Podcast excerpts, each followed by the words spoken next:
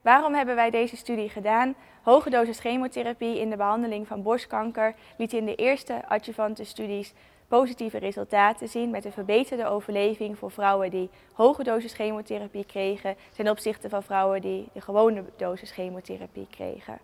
Dit effect werd echter niet bevestigd in een meta-analyse die is uitgevoerd in alle patiënten.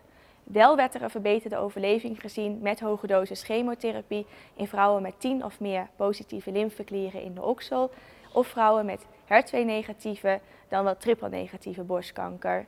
Omdat de behandeling met hoge dosis chemotherapie bij borstkanker niet standaard is geworden, zijn er geen follow-up studies uitgevoerd en weten we van geen een van de studies hoe het op dit moment met de vrouwen gaat. De grootste studie die is uitgevoerd is de N4-studie, die tussen 1993 en 1999 werd uitgevoerd in Nederland.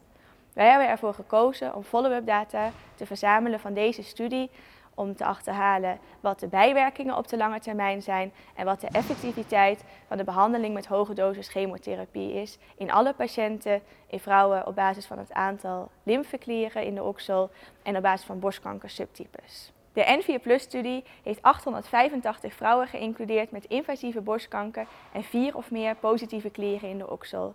Vrouwen werden één op één gerandomiseerd tussen ofwel 5 cycli VEC-chemotherapie of 4 cycli VEC-chemotherapie en één keer hoge dosis chemotherapie. Alle vrouwen ontvingen radiotherapie en tamoxifen. Nu we, zijn we na 20 jaar zijn we teruggegaan naar de medische dossiers van alle patiënten die deelnamen aan de studie hebben we vragenlijsten gestuurd naar de huisartsen, cardiologen en oncologen in perifere ziekenhuizen en hebben we onze dataset gekoppeld met de verschillende registraties die we in Nederland hebben. Dat zijn IKNL, de Nederlandse kankerregistratie, CBS voor de doodsoorzakenstatistiek en PALGA voor de pathologiedata.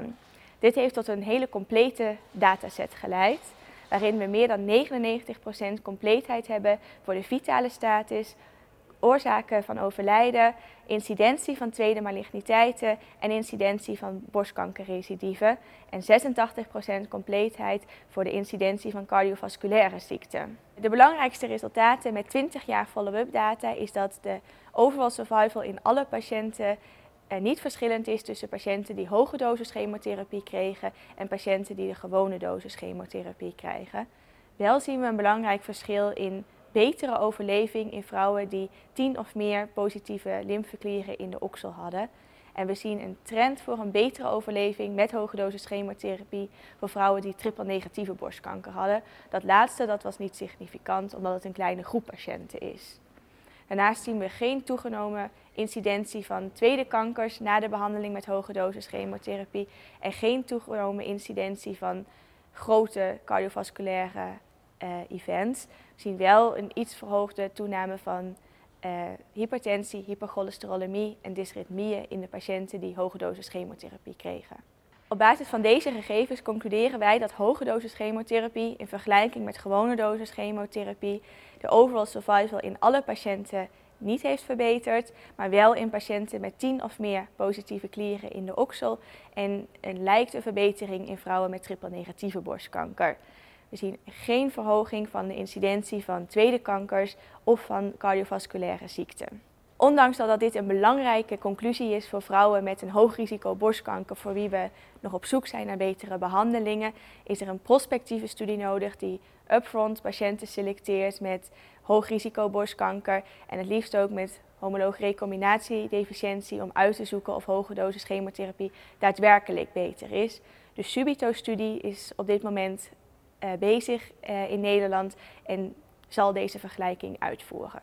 Wat ik ook nog wil benadrukken is dat het ons niet was gelukt om, 20, om zo complete gegevens met 20 jaar follow-up te verzamelen als we onze data niet hadden kunnen koppelen met de landelijke registraties die wij hebben, de IKNL, CBS en PALGA. We zijn ontzettend dankbaar dat iedereen heeft meegewerkt aan het verzamelen van 20 jaar follow-up data van de patiënten behandeld in de N4-studie.